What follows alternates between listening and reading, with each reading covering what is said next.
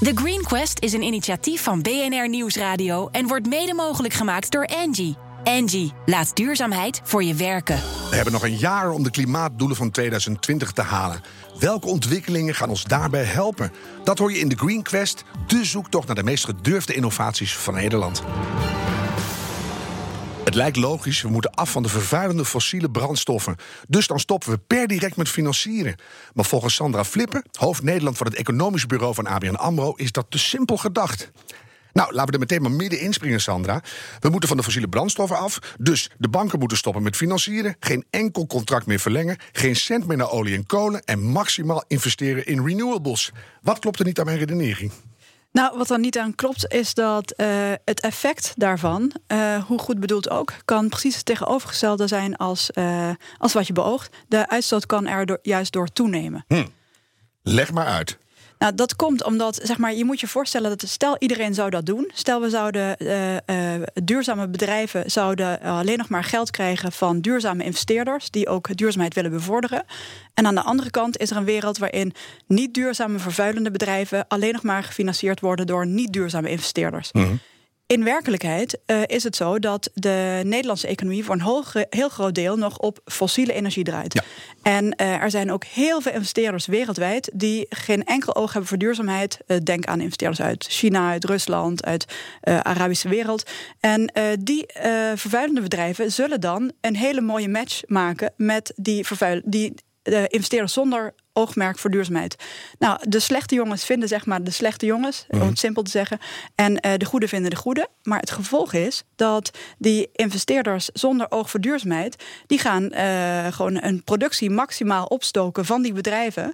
Uh, die vervuilen en daardoor gaat de totale CO2-uitstoot alleen maar omhoog. Dat laatste moet je nog even uitleggen, want het blijft eigenlijk hetzelfde met andere investeerders. Maar omdat je het aan de slechteriken geeft, gaan die langer door met die vieze hobby, om het maar zo te noemen. Precies, dus het alternatief, kijk, dus als je, als je zou zeggen van een uh, verantwoorde, duurzame uh, investeerder of kredietverstrekker, Mhm. die uh, blijft zitten in die bedrijven waar die in zit, in de fossiele bedrijven ook, mits het uh, kan worden bewerkstelligd dat die, uh, dat die kredietverstrekker helpt bij het verminderen van de uitstoot. Dat is wel cruciaal. Ja, dus eigenlijk zeg je, laat de banken het vuile werk opklappen zolang het nodig is, want anders zijn we de regie kwijt.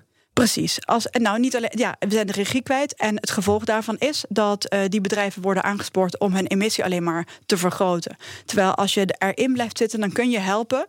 Helpen met tussen aanhalingstekens. Mm -hmm. Je kunt ze ook uh, dwingen met zachte hand. Geholpen door het huidige uh, voorstel voor het klimaatakkoord. om emissiereductie te plegen. Dus, maar je zou ook kunnen denken. Ja. Zolang fossiele brandstoffen makkelijk geld opleveren, wil de bank er niet van af. Nou, dat, dat zou je kunnen denken. En, um, ik denk dat nu tijdelijk even. Ja, dat, dat begrijp ik goed. En ik zie ook wel dat, dat bijvoorbeeld uh, kleinere banken... die, uh, die, die kunnen ook um, uh, klanten aantrekken door te communiceren... dat zij geen cent geven aan iets wat niet duurzaam is. Mhm. Mm -hmm. En dat is een hele mooie reclame. En dat zou voor grote banken ook een hele mooie reclamestrategie zijn. Ja. Alleen als je denkt aan de verantwoordelijkheid... die grote banken hebben om ook de financiële stabiliteit... in de gaten te houden in ons land... dan zou het echt onverantwoordelijk zijn om te zeggen... we trekken onze handen daarvan af en we gaan gaan alleen nog maar met duurzaam aan de gang. En alles... wat, wat, is daar onverantwoordelijk aan? Als je nou, zegt omdat, van uh, omdat, los van die vieze Nou, om, omdat uh, de, de, economie draait nog uh, op fossiel. En als je dat nu loslaat, dan, dan, ja, dan kun je de situatie krijgen dat de economie in elkaar stort. En dat, Mhm. mm -hmm. is, dat is onverantwoordelijk. Behalve dat je net zegt dat andere partijen het dan wel overnemen. Dus dan zijn jullie er ondertussen mooi vanaf. Wat misschien goed is voor het groene imago van de bank. Nou, ik denk, ik denk eerlijk gezegd dat dat uh, zo niet uit gaat pakken. Omdat als uh, investeerders erin stappen uh, zonder duurzaamheidsoogmerk... en die gaan de boel juist de emissie verhogen... dan zal uit de CBS Milieustatistieken heel snel gaan blijken... dat de emissie heel hard toeneemt in Nederland. We voelen in ieder geval hoe complex het probleem is. Hè? Ja. Simpele oplossingen nou, kijk, bestaan weet je, Heel simpel gezegd, als we met een knip van de vinger morgen zouden kunnen zeggen... we zijn dan alleen nog maar duurzaam en we doen niks wat niet duurzaam is... dan is dat een hele mooie strategie. Dan zouden van, we nu, uh... nu je geld weg, nu Ja. alleen naar duurzaam. Mhm. Maar omdat dat een... We, we gaan, we, als je het realistisch wil maken... moet je er een transitiepad voor uitstippelen. En een transitiepad wil zeggen emissiereductie... en niet zeggen van eh, heb jij emissie, dan krijg je geen geld meer. Laten we daar eens op doorgaan. Je had het net over een zachte hand. En laten we er ondertussen ook van uitgaan dat jullie het allerbeste voor hebben met de wereld. Ja. Ik zeg het met een licht cynische ondertoon. Maar ja, dat hoor ik wel. Wat doet ABN AMRO eraan om zo snel mogelijk van die fossiele brandstoffen toch af te komen? Dat zou een tweesporenbeleid kunnen zijn. Ja. Namelijk, uh, nou ja, actief eruit gaan zo, zo ver mogelijk. Uh, Ja. Met zachte hand, misschien met een steeds iets hardere hand. Ja. En aan de andere kant misschien heel actief die renewables promoten.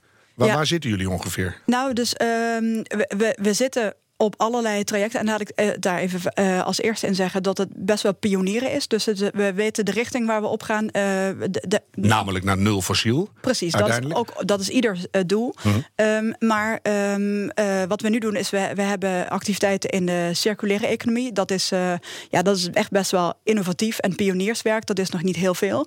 Maar ehm, we hebben ons gecommitteerd aan een strategie waarbij wij aan proactive engagement doen. Dus dat wil zeggen dat we kijken naar de bedrijven die we eh, krediet verlenen. Dat we kijken naar de emissiereductiemogelijkheden. Dat wij eh, al onze kennis inzetten om eh, die bedrijven achter de schermen te helpen met zo kun je het doen. Ook financieringsmogelijkheden?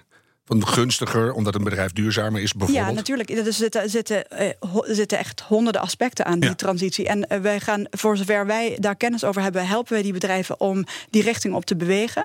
En natuurlijk is het ook zo dat er zijn ook activiteiten waarvan je zegt: kijk, daar, daar is geen reductie in te bewerkstelligen. Dan overwegen wij ook om daar uit te stappen. Geef eens een voorbeeld. Uit de tabaksindustrie bijvoorbeeld zijn we Ja. uitgestapt. Dat is dan geen eh, milieuduurzaam Nou ja, voorbeeld. het, Maar het is ook veel uitstoot natuurlijk als er veel gerookt wordt. Maar, nee, maar dat is natuurlijk altijd het voorbeeld. Dat had je bij fragmentatiebommen, noem maar op. Toen ik ooit heel lang geleden duurzaam ging beleggen, toen zei ik: doe al dat soort dingen er maar uit. Toen keek iedereen maar aan of, eh, eh, of de, de, de Noordpool in brand stond. Ja. Dus eh, er zijn natuurlijk van die tipping points. Ja, dat klopt. En ik, ik bedoel, ehm, ik kan me nog niet hard vastleggen op, op wat wij dan als ABN AMRO... onder welke omstandigheden waar we dan keihard nee tegen zeggen. Dat is een proces in ontwikkeling. Rabobank Maar- bordelen was op een gegeven moment keihard een nee natuurlijk. precies, ja, ja. Maar je hebt ook zoiets als een, als een maatschappelijke signaalfunctie. Hè? Je hoort steeds vaker bedrijven die nu winst maken zonder circulair te zijn... die maken die winst op kosten van de toekomst. En dat geldt eigenlijk ook voor ABN AMRO. Iedereen blijft die rekening maar voor zich uitduwen. De latere generatie moet het gaan betalen. Gaat dat weet- ook niet steeds zwaarder wegen voor jullie? Nou, weet je wat het is? Dat, dat wordt heel makkelijk gezegd. Hè? Aan de ene kant ehm, eh, een signaalfunctie, aan de andere kant er is ook een verantwoordelijkheid.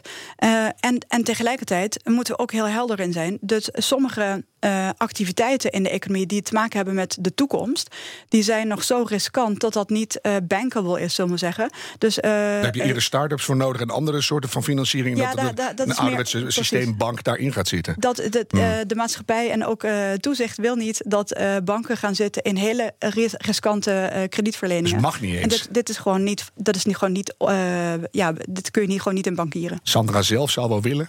Maar het mag gewoon niet. Ja. Kan je Ja. mij schetsen? Want je zei net al, ik weet niet waar het heen gaat. Maar de ontwikkelingen de komende jaren, hoe gaan die eruit zien? Wanneer komt dat omslagpunt? En, en wanneer denk jij, is ABN AMRO zowel zelf als in waarin je investeert fossielvrij? Ehm, nou, daar durf ik geen harde eh, Gewoon, dat- jaartal ik aan pin te... je er niet op vast, maar doe eens- doe eens een nou, gevoel. Nee, dat, dat, dat, nou, dat, dat- In 2050 natuurlijk sowieso. Ja, ik denk, eh, kijk, weet je wat het is? Ehm, de, wat heel veel gaat uitmaken is eh, wat het kabinet gaat doen. Als eh, het klimaatakkoord, Mhm. waar we nu al van zien dat eh, Klaas Dijkhoff daar alweer terugtrekkende beweging begint te maken. Kijk, stel daar was een daadwerkelijk brede CO2-prijs geïntroduceerd. Ja. Dan was het heel snel gegaan. Want dan waren alle individuen, alle bedrijven, alle spelers in de economie waren vanuit eigen belang hadden ze emissiereductie gepleegd. En Ja. waren we er heel snel gekomen. En nu hebben we een En soort- tegen het laagst mogelijke kosten. Ja, nu hebben we een raar boetesysteempje. Nu hebben we Onduidelijk. een raar boetesysteem waar van alles over te zeggen valt. Eh, daar kunnen trouwens, volgens mij, de ambtenaren die dat moeten gaan ontwikkelen, die kunnen nog veel leren van wat banken hebben geleerd in de afgelopen jaren. Over hoe je achter de schermen bedrijven beweegt richting duurzaamheid. Eh, want dat is natuurlijk nu het heikele punt.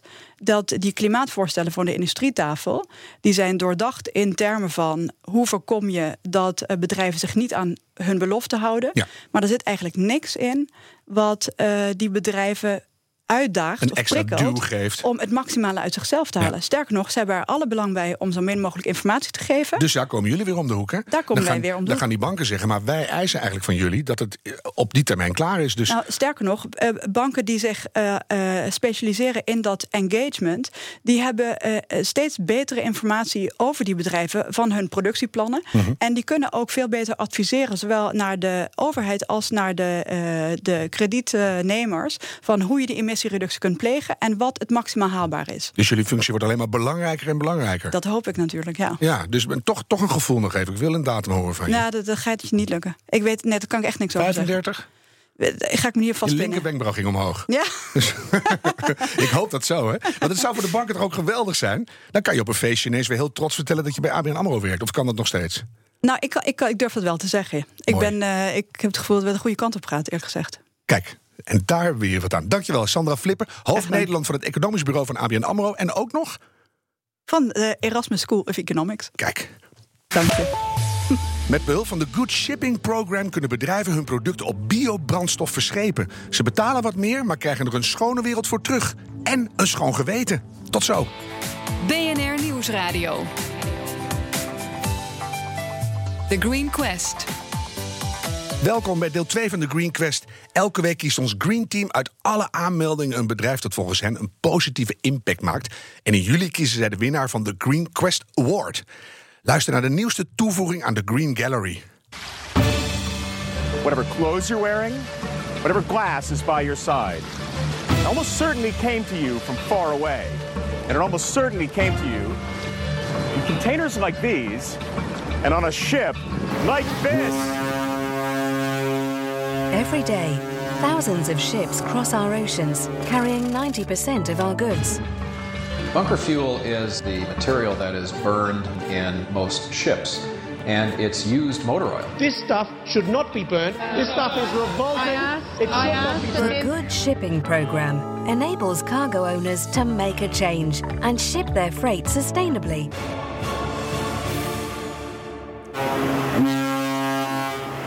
Waddeneilanden lagen vol My Little Ponies en linkerschoenen. Want de rechterschoenen dreven rechtsaf naar Schotland. Echt waar. Geloof je niet, hè? Annick Sluis, Growth Accelerator van de Good Shipping Program. Dat moet jij met afgrijzen hebben gadegeslagen. Zeker. Ja? Zeker, ja. Wat, wat denk je dan? Ik reis af naar Ameland, ik ga My Little Ponies rapen. Als ik had gekund, eh, was ik daar zeker naartoe gegaan. Eh, maar dat, ja, dat is een van de vele eh, grote nadelen van de shippingindustrie. Ja. En te veel troep de wereld over. Hè? Ja. Maar goed, dat is een heel ander verhaal. Het vervoer per schip, dat moet schoner. We hoorden al in het geluidsfragment... bunker oil is het afvoerputje van de fossiele brandstofindustrie. Hoe pakken jullie het aan? Eh, nou, we zijn eigenlijk het allereerste initiatief wereldwijd dat het voor bedrijven, dus niet de scheepseigenaren, maar de bedrijven die de vracht verschepen, mogelijk maakt om dat op biobrandstof te doen in plaats van op die inderdaad hele vieze zware stookolie.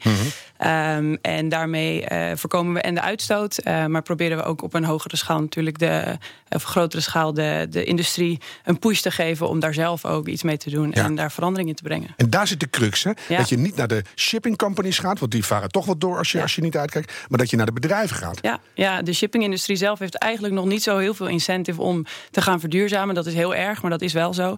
Ehm, er is Staan veel ook niet in het Parijsakkoord. staan nog in geen één klimaatakkoord. Er is nu eindelijk sprake van een klimaatakkoord. Maar er wordt dan in, nu in april 2018 over gesproken. In 2023 gaan ze daar weer verder over praten. Met andere woorden, dat gaat nog heel lang duren. Ja. Ehm, eh, en binnen de shippingindustrie is er nog steeds... er is meer capaciteit dan vracht. Dus het enige waar ze op kunnen concurreren is kosten laag houden. Ja. Dus de industrie zelf gaat voorlopig nog niet investeren in eh, duurzame brandstoffen. En even voor de argeloze luisteraar. Hè? Dus die, die bunker oil, dat is al verschrikkelijk. Daarom Ja. draaien die scheepsmotoren permanent door. Ja. En op zee schijnt er ook nog chemisch afval bij gegooid te worden. Dat ook. En sowieso is zware stookolie echt, we hoorden net al even in de intro, maar dat is eh, de, de zwarte drap die achterblijft in een olievat. Dat is het afval, de afvalstroom van de olieindustrie die al zo vies is. Het vergifputje, de hel van de fossiele brandstoffen. Ja. Stel, een bedrijf gaat met jullie in zee. Ja. Hoe gaat het dan verder? Want bijvoorbeeld een klant van jullie, Tony Chocoloni, die, Ja. die wil dan iets shippen. Ja. En die gaan natuurlijk heel goed, maar die gaan niet een hele duurboot met 4600 containers vullen met chocola. Nee. Hoe werkt het dan? Nee, Tony's was inderdaad onze launching customer, zoals het zo mooi heet, eh, in oktober 2017 toen we het programma zijn eh, gestart. Wat wij doen voor klanten is, we rekenen op basis van hun vrachtgegevens uit wat de footprint van hun zeevracht is. Eh, en wij kunnen ook uitrekenen welk brandstofvolume daarmee correspondeert. En vervolgens facil- faciliteren wij een fuel switch, zoals we dat noemen. Dus wij zorgen dat dat corresponderende eh, brandstofvolume wordt vervangen met biobrandstoffen. En dan moet je dus toch bij die rederijen zijn. Ja. En die staan dat wel toe. Ja, als ze niet hoeven te betalen, eh, dan, eh, dan gaan er deuren open. En moet ik wel zeggen dat we de, de eerste bunkering... en dat was eigenlijk meteen de tweede mijlpaal na de lancering... met Samskip hebben gedaan. Dat is een wat kleinere rederij hier in Rotterdam. Rustig gaan beginnen. Ja, maar we gaan heel binnenkort, en ik kan er nog niet al te veel over zeggen... maar Maar uh, heel binnenkort gaan we live met onze eerste echt grote internationale klant. Dus Maersk heeft gewoon ja gezegd, kom maar. Uh, nummer drie op de lijst. Okay. um, toch een primeur, leuk. En met dus een grote vrachteigenaar. Mm -hmm. En dat is iets met een Zweedse meubelmaker. Ja, maar die willen graag, hè? Die willen graag. En we merken ook wel dat we voor nu misschien de sustainable frontrunners op dat gebied uh, wel eerst binnenhalen. Maar wel heel erg met het doel om ook andere vrachteigenaren te activeren. Ja. Heel nuttig, heel goed. Hoeveel van die vieze stookolie hebben jullie al vervangen? En hoeveel CO2 scheelt dat? Weet je daar iets van cijfermatig? Ja, we hebben met die eerste bunkering, dat was een vrij laag klein volume. Ik geloof ongeveer uh, 22.000 liter uh, bunkerolie vervangen met biobrandstof. En daarmee 40 ton CO2-uitstoot bespaard. Voor ons was dat niet per se de, de, de, het succes. Meten we niet aan die getallen, maar Nee. meer aan welke deuren er daarna weer allemaal open zijn gegaan. En dus het feit dat we grotere klanten aan boord krijgen op de Containerdeuren vol. My Little Ponies. Precies, Dus, ah, precies. Ja, maar dat komt natuurlijk in de slipstream allemaal mee. Hè? Ja. Dat mensen ineens denken, wat gebeurt er allemaal? Waar gaan die schepen heen? Waar Ja. komt het vandaan? Wat, Ja. wat, wat zijn we aan het doen? Ja, ja Dat is, het is bizar hoe. eh, er wordt wel eens gezegd dat de wereld sea-blind is. Maar gelukkig wordt dat. Mensen worden zich steeds bewuster van. Maar daar zijn wel programma's zoals Good Shipping voor nodig. Ja. Ook om dat eh, te bewerkstelligen. ja, ik ben blij dat jullie er zijn. Is bio-energie, want dat, dat, dat pomp je er nu bij, hè? Is dat eh, een eindstation voor jullie of is dat een overgangsbrandstof? Nou, voor nu is er ruim voldoende voor om, om aan de vraag te voldoen. En er zijn natuurlijk op heel veel verschillende vlakken heel veel dedicated teams bezig met het innoveren. En het is ook een beetje kip-en-ei verhaal. Het is de enige drop-in solution op dit moment. Dus iets wat vandaag de dag gebruikt kan worden, wat beschikbaar is, wat betaalbaar is. En waar je als scheepseigenaar niets voor hoeft aan te passen. Eh, aan de andere kant eh, houden wij als Good Shipping Program niet onze ogen dicht voor, voor andere oplossingen. En zouden we, als er in de toekomst eh, vergelijkbare alternatieven of beter betaalbare alternatieven beschikbaar komen, dat ook aan onze klanten willen gaan aanbieden. Dat je met zeilen naar die boten gaat. Want je- Ja, zeilen, elektriciteit, Ja. waterstof, doe maar op. Elke week stelt een jurylid een vraag en deze week is dat hoogleraar duurzame innovaties Jacqueline Kramer. De zeescheepvaart loopt hopeloos achter eh, in CO2-reductie. Dus het is positief dat via innovaties zoals deze de CO2 verlaagd wordt. Mijn vraag is: hebben jullie zekerheid over een continue aanvoer van grote hoeveelheden duurzame biobrandstoffen? En met du- duurzaam bedoel ik dan biobrandstoffen die voldoen aan de zogenaamde Kramercriteria. Nou, wie zou dat toch genoemd zijn, die Kramercriteria? Ja. Maar dit geldt terzijde. He- Heb je genoeg eh, duurzame brandstof? Zeker. Eh, wij werken voor nu met een brandstofleverancier Good Fuels. Ehm, en wat Good Fuels anders maakt dan eh, andere brandstofleveranciers... is dat zij een extern sustainability board hebben. Dat is een board van een aantal academici... maar ook een van de grote, grootste NGO's op dit gebied, RSB. Ja. Ehm, ze- dat board moet elk product wat Good Fuels aan hun portfolio wil toevoegen eerst goedkeuren. En zij hanteren hele strenge sustainability criteria. Veel strenger eigenlijk dan overheden bijvoorbeeld Ja. doen. En waar komt het ongeveer vandaan? Die biofuels? Eh, voor nu gebruiken we te- twee eh, feedstocks. Dat zijn altijd afval- en, en reststromen. Mhm. eh, used cooking oil, UCO. en een afvalstroom van de papier- en pulpindustrie. Maar wat ik zei, er, er zijn heel veel innovatieteams op zoek naar nog veel meer feedstocks daarvoor. Ja, nou zei ik in de intro al, het is nog steeds duurder. Hè? Dus als je dat Ja. als, als Tony wil, dan moet je toch meer betalen. Zie jij een toekomst waarin de prijs van bio-energie voor schepen fors naar beneden kan? Zeker, dat is zelfs al gebeurd, vrij recent. Toen we het programma startten, werkten we nog met een duurdere eh, scheepsbrandstof... die je eigenlijk ook in, in auto's bijvoorbeeld kon gooien. Dus een dieselvervangers waren we eigenlijk kwalitatief heel laagwaardige brandstof aan het vervangen... met een heel hoogwaardige brandstof. Dus die, dat kostenverschil is hoger. Eh, maar mede dankzij Good Shipping en de klanten van Good Shipping... heeft Good Fuels, onze brandstofleverancier, vorige maand... een, eh, een scheepsbrandstof, een bio-scheepsbrandstof gelanceerd...